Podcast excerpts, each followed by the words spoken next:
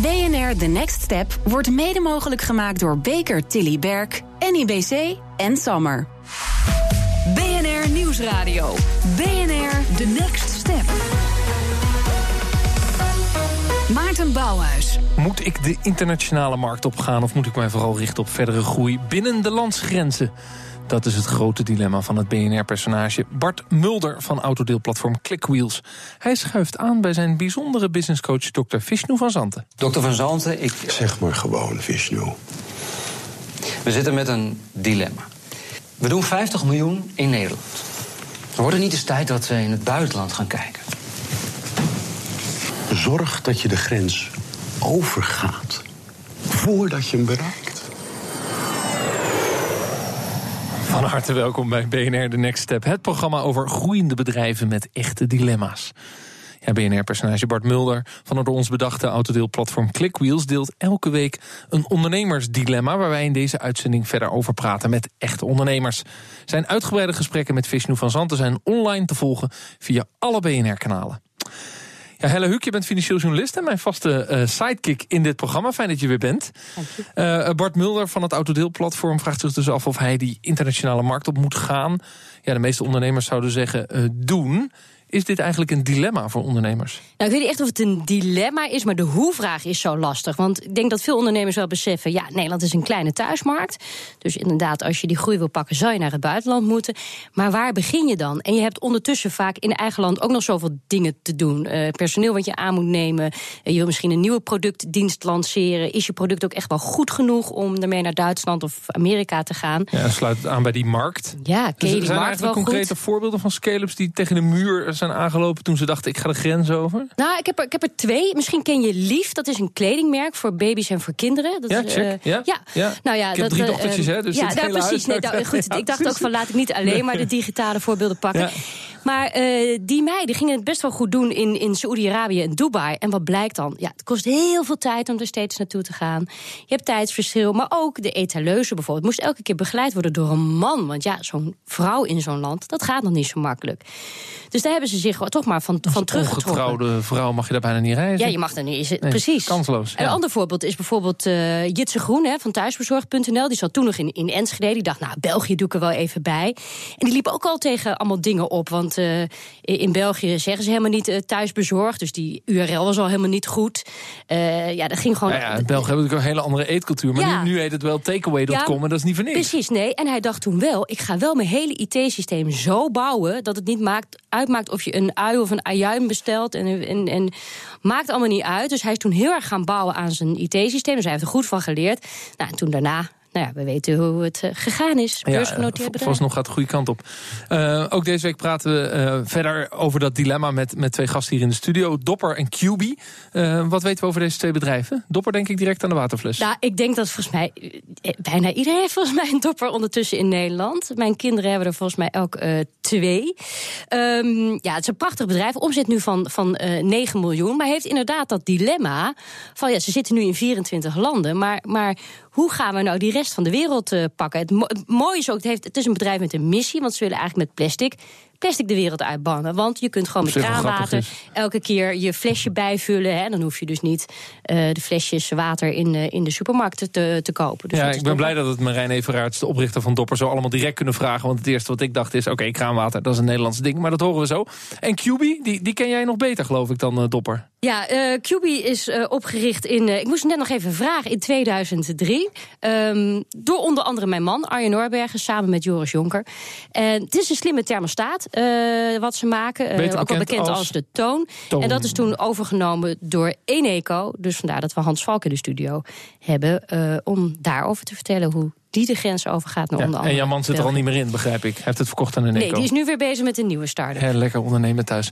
Eh, Hans Valk, in eh, oktober 2015 kwam QB dus volledig in handen van Eneco. We kennen het van de slimme toon. Hoeveel hangen er daarvan nu in, in Nederland?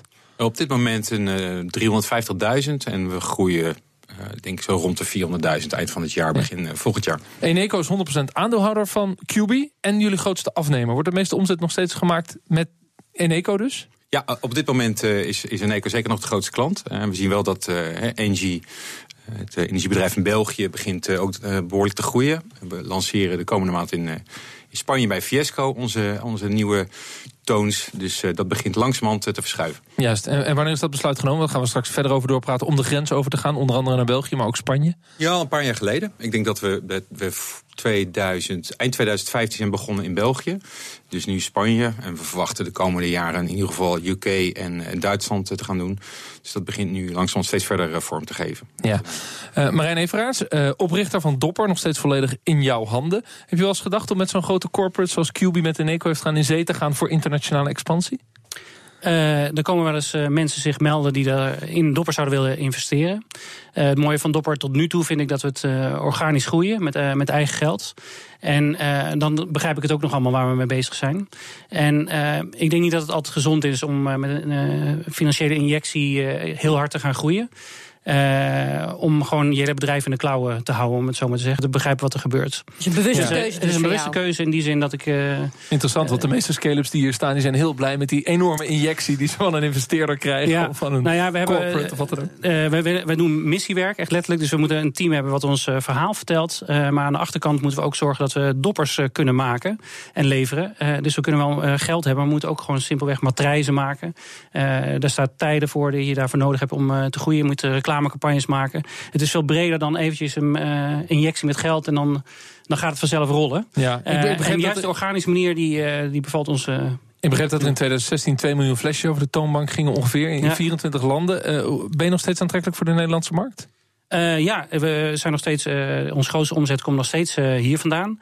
24 landen klinkt als heel veel, dat is het ook. Ehm, maar wij focussen ons echt op landen. dat is nu maar zes landen bij elkaar.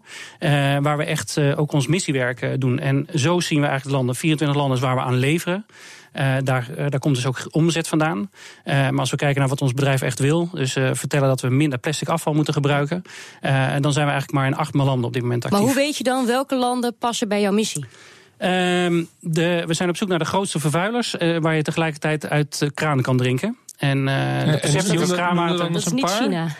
Nou ja, inderdaad, China kun je dus niet uit de kraan drinken. Maar goed, uh, Amerika, maar ook uh, bijvoorbeeld uh, Spanje, Frankrijk zijn we nu actief. wij als Hollanders zeggen we, we grijpen naar mineraalwater. maar de Fransman en de Amerikaan die drinkt gewoon uit de kraan. Dus, Oké, okay, wel, dus of, niet, wel, of niet gefilterd in huis. Ja, klopt. Ja, ja precies. Ja. Um, um, België, Duitsland, Amerika en Brazilië. heb jij ook ambassades? Ja.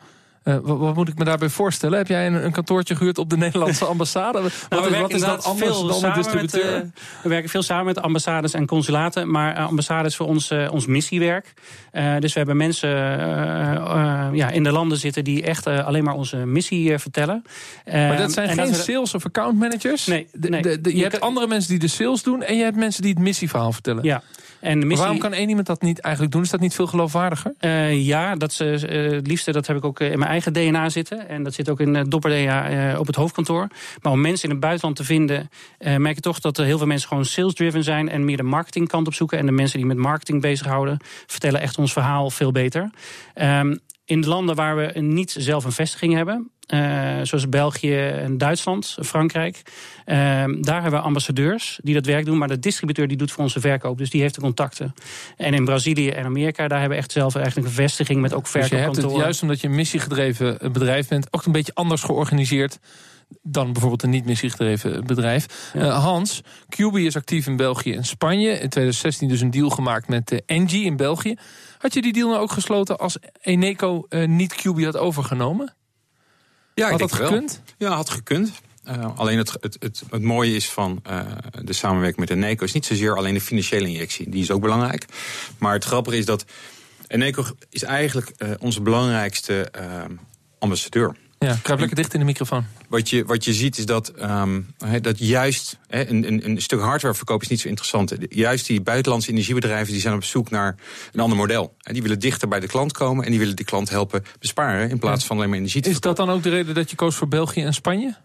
Ja, dat, zijn, dat waren landen die dicht bij ons zaten. Dat waren ook, kijk, je moet je voorstellen dat de, de internationale markt, zeker bij energiebedrijven, is vrij ingewikkeld. Het zijn uh, landen die, of zijn bedrijven eigenlijk die, nou laten we het zo zeggen, het zijn niet echte start-ups en die hebben niet echt de start-up mentaliteit. Nee, maar dus, dat, dus om dat te bereiken, hielp het al wel om Eneco achter je, achter je te hebben en te laten zien in Nederland doen we het ook met een met een energiebedrijf. Eneco was eigenlijk het eerste internationaal uh, bedrijf wat daadwerkelijk het model kantelde en liet zien dat consumenten geïnteresseerd waren in dit soort diensten. En het is eigenlijk een heel mooie, een mooie showcase. Ja, straks hoor je hoe het QB en Dopper gelukt is om de stap over die grens te zetten... en welke landen zij nog meer willen veroveren. Tot zo. BNR Nieuwsradio. BNR The Next Step. Moet ik die internationale markt opgaan of uh, mij vooral richten op de groei binnen de landsgrenzen? Daarover praat ik hier in de studio met mijn vaste gast in dit programma, financieel journalist Hella Huuk en de gasten van vanmiddag, vanavond, Hans Valk, CEO van QB en Marijn Everaerts, uh, oprichter van Dopper. Eerder deze uitzending hoorden we een fragment uit onze online serie van het BNR-personage Bart Mulder van het autodeelplatform Clickwheels. Redacteur Rut van de Vlucht praat even bij over de internationale ervaringen van Clickwheels. Al bij de start van Clickwheels droomde Bart Mulder van het runnen van een internationale onderneming. Nu zijn autodeelplatform 50 miljoen euro omzet draait in Nederland, ligt ook die stap naar het buitenland voor de hand. De eerste marktverkenningen in buurlanden België zijn dan ook begonnen. Met de internationale expansie hoopt Clickwheels in één klap door te stoten van 1 miljoen naar zeker 5 miljoen actieve Clickwheels-gebruikers. Oprichter Bart Mulder ziet nog wel wat uitdagingen. Zo kijkt hij naar de rijstuur van de gemiddelde automobilist in deze landen. Ook culturele verschillen noemt Bart als een van die uitdagingen om ook internationaal door te kunnen breken. Ja, redacteur Rut van de Vlucht, en dat kom je dus allemaal tegen in internationale ambities ook van Clickwheels. Terug naar de realiteit. Marijn Everaerts, je levert aan 24 landen. Eerder hadden we het over Amerika. In 2012 wilde je met Dopper ook al naar Amerika. Wat ging er mis? Uh, cash. Cash, cash ging mis. Cash, je nog steeds zegt, ja. daarvan wil ik niet te veel hebben. Cash is king. Uh, en als je niet genoeg hebt, dan, uh, dan red je het niet. Ik dacht dat we uit de omzet die we gelijk zouden maken... op het moment dat je het land betrad... Uh, wel eventjes daar konden gaan groeien. we wisten dat alles wat duurder was. We begonnen in San Francisco. Daar is alles veel duurder. dus de salarissen, de huur, opslag. we hadden ons duidelijk niet goed voorbereid. En we hadden geen zakje geld achter de hand om het ook... maar je gaat dat wel proberen. Je gaat er met ambitie naartoe. Eerder in de uitzending zei je inderdaad... Eh, ik hoef niet een investeerder die er geld ja. in pompt. Dat was in dit geval wel handig had geweest. Je maar, had je maar. Nou, precies. Uh, het was wat naïef. En uh, omdat, ik dacht, omdat er al omzet vandaan kwam... dacht ik, nou ja, als we er zijn... dan, uh, dan moet het in één klap gelijk doorslaan. Ja, heb je er, heb je er, ja. heb je er een, een grote of een dikke persoonlijke tik van gekregen? En heb je er wakker van gelegen? Dat je dacht, ja, met hier zeker. Nou gebeurt? Nou, het is meer dat tegelijkertijd we ook in Hongkong zijn begonnen toen. En dat was gewoon te veel tegelijkertijd.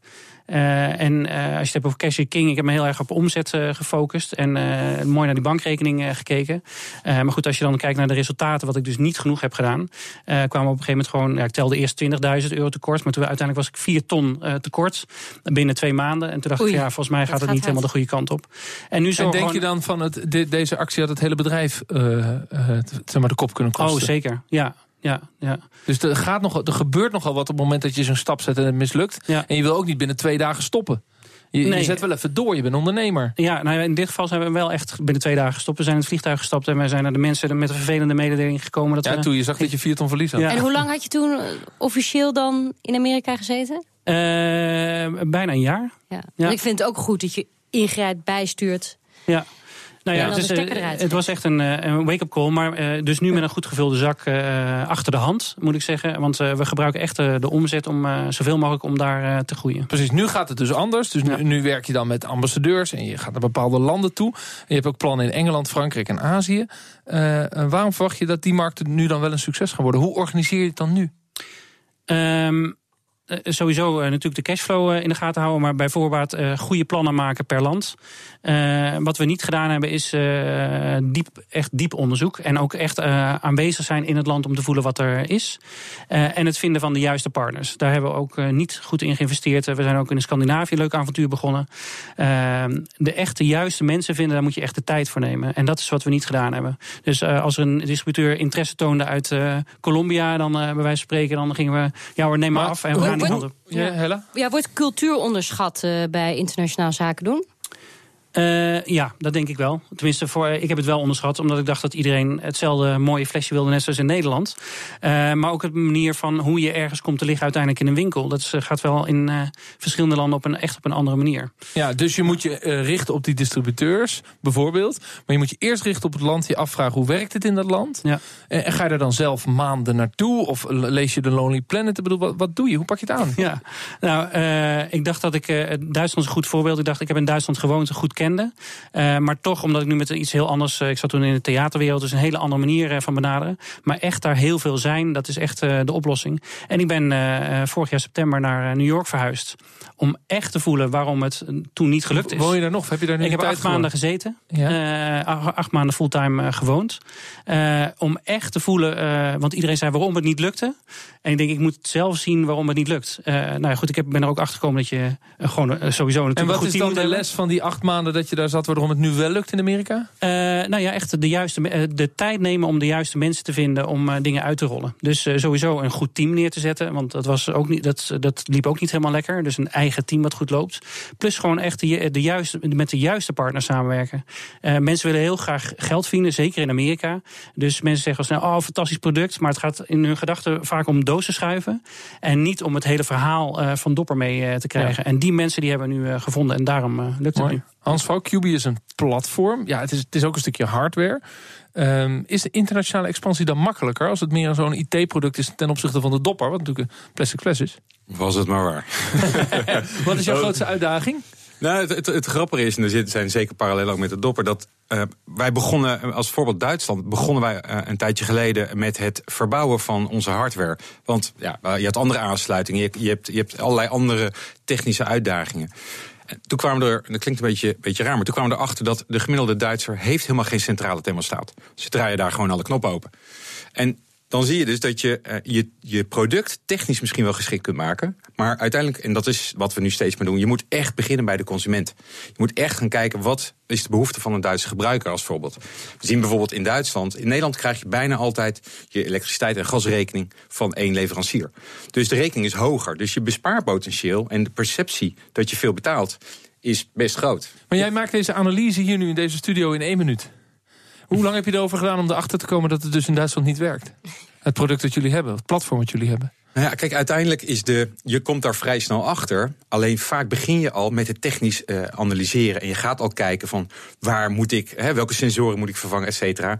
Terwijl de kunst is je moet gewoon het land ingaan. En he, dat gewoon het land ingaan betekent dat je maandenlang onderzoek doet. He, dat je begint met gesprekken met een consument. Dat je vervolgens door gaat kijken. Je gaat in huizen als je, kijken. Als je consument hebt gesproken en je hebt in huizen gekeken... Dan, dan weet je toch binnen 1, 2 dagen van... ja, iedereen draait hier elke thermostaat los open. Dit wordt helemaal niks. Er zijn 850, 850 verschillende stadwerken in Duitsland. Met allemaal eigenlijk hun eigen technische specificaties. Hun eigen uh, propositie. Dus Duitsland lijkt een heel groot land, maar bestaat voor ons uit 850 verschillende landjes. Het, waren ook ooit allemaal kleine koninkrijkjes. Wat volgens mij ook vaak onderschat wordt. Want dan gaan, dan gaan ondernemers wel naar de hoofdstad, naar Berlijn of naar, naar New York. Je hebt natuurlijk weer een, een ander product misschien. Maar dat wil niet zeggen dat het buiten die hoofdstad ook zo werkt. Ik bedoel, wifi is ook niet overal in Duitsland. Uh, even goed Maar wat is dan de, de conclusie, Hans? Op dit moment lukt het in Duitsland wel of niet? Ja, we zijn nu daar, daar grote stappen aan het zetten. En dat komt vooral omdat je dus... Eigenlijk moet je... Onze klanten zijn energiebedrijven. Je moet de klant van jouw klant moet je beter kennen dan zij. En dat is wat we nu eigenlijk steeds doen. We gaan echt in de haarvaten zitten van, in dit geval, de Duitse consument. En zit de overheid jou wel eens in de weg? Want je zit natuurlijk wel in een markt die sterk gereguleerd is door overheden. Ja, op zich valt het wel mee. Alleen wat je bijvoorbeeld, Italië bestaat bijna alleen maar uit slimme meters. Dat is voor ons een makkelijker markt qua techniek.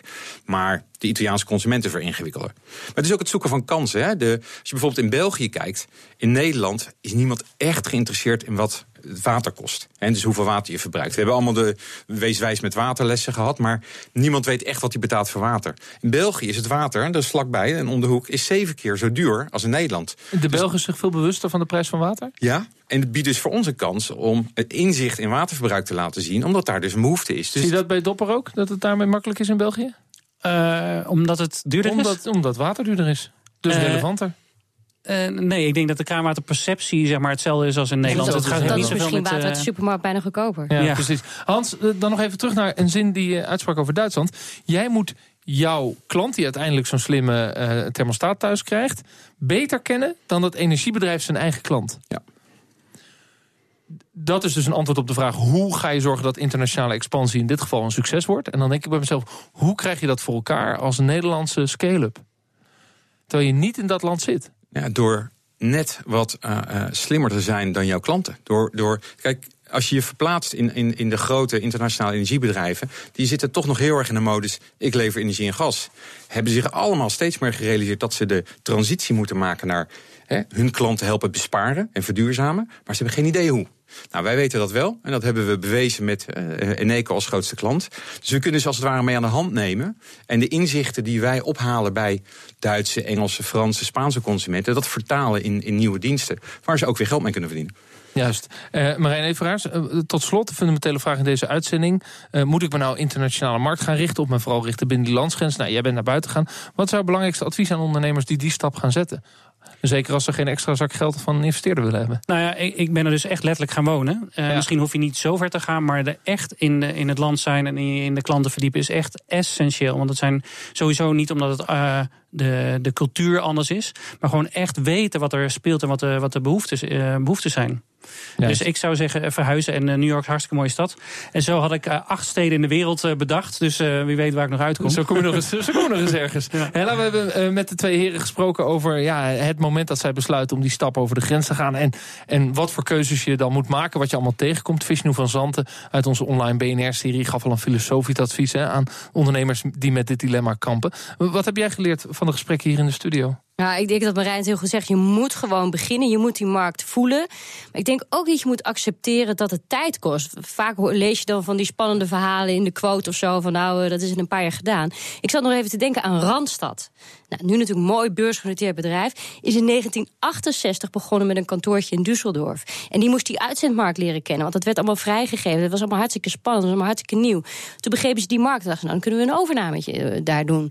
En nu zijn ze gewoon in Duitsland marktleider. Maar het, het kost ook tijd. Die tijd moet je het wel gunnen. En ondertussen, zoals Marijn ook zegt, wel blijven monitoren dat je cash-out niet te groot wordt. Ja, dat is dus wel, wel interessant. Doen. Heb je een investeerder die er een zak geld in steekt, of ga je het met autonome groei doen, is er wel weer een stuk veiliger. Het is wel moeilijk, maar het uit, op de lange termijn ook wel weer veilig wat Marijn doet. Ja, nou ja, ik. Je kunt ook ik geen kan, aandeelhouders teleurstellen. Ja, maar ik ga niet zeggen, iedereen heeft zijn eigen strategie. En ik ga niet op de stoel van een ondernemer zitten. Maar ik kan me ook voorstellen dat je die, die zak met geld. Een partij als Bloemon, die we vorige week hadden, van de bloemen bloemenabonnementen. Die zeggen, kom maar door, want, uh, want ik wil wel naar China. Nou, dat is qua Ja. cultuur en, en, en qua bloemen kopen het toch ook echt heel anders. Dat zal ze ook tijd kosten ook en geld. En die zeggen gewoon, we gaan. Investering Nou, voor ik sluit het ook niet uit hoor, eh, voor de toekomst. Oké, dus Alleen dat zou dusver- Ja, ja, nee, het zou kunnen, maar tot dusver is die behoefte er niet. Investeerders in Ja. Dopper mogen Ja. zich melden. Dankjewel Hella, dankjewel uh, Hans Valk, CEO van QB en Marijn Everaars, oprichter van Dopper. Uh, Hella, wij zien elkaar uh, volgende week weer. Ja, volgende week belichten we opnieuw een dilemma van de Clickwheels oprichter Bart Mulder. En zijn wij uiteraard uh, erbij met echte ondernemers om daarover door te praten. Benieuwd naar het verhaal van Clickwheels? Kijk dan op onze site bnr.nl slash the next step of beluister de uitzending terug via bnr.nl, de BNR-app of, of stream via iTunes en Spotify. Bedankt voor het luisteren. Dag! BNR The Next Step wordt mede mogelijk gemaakt door Baker Tilly Berk, NIBC en Sam.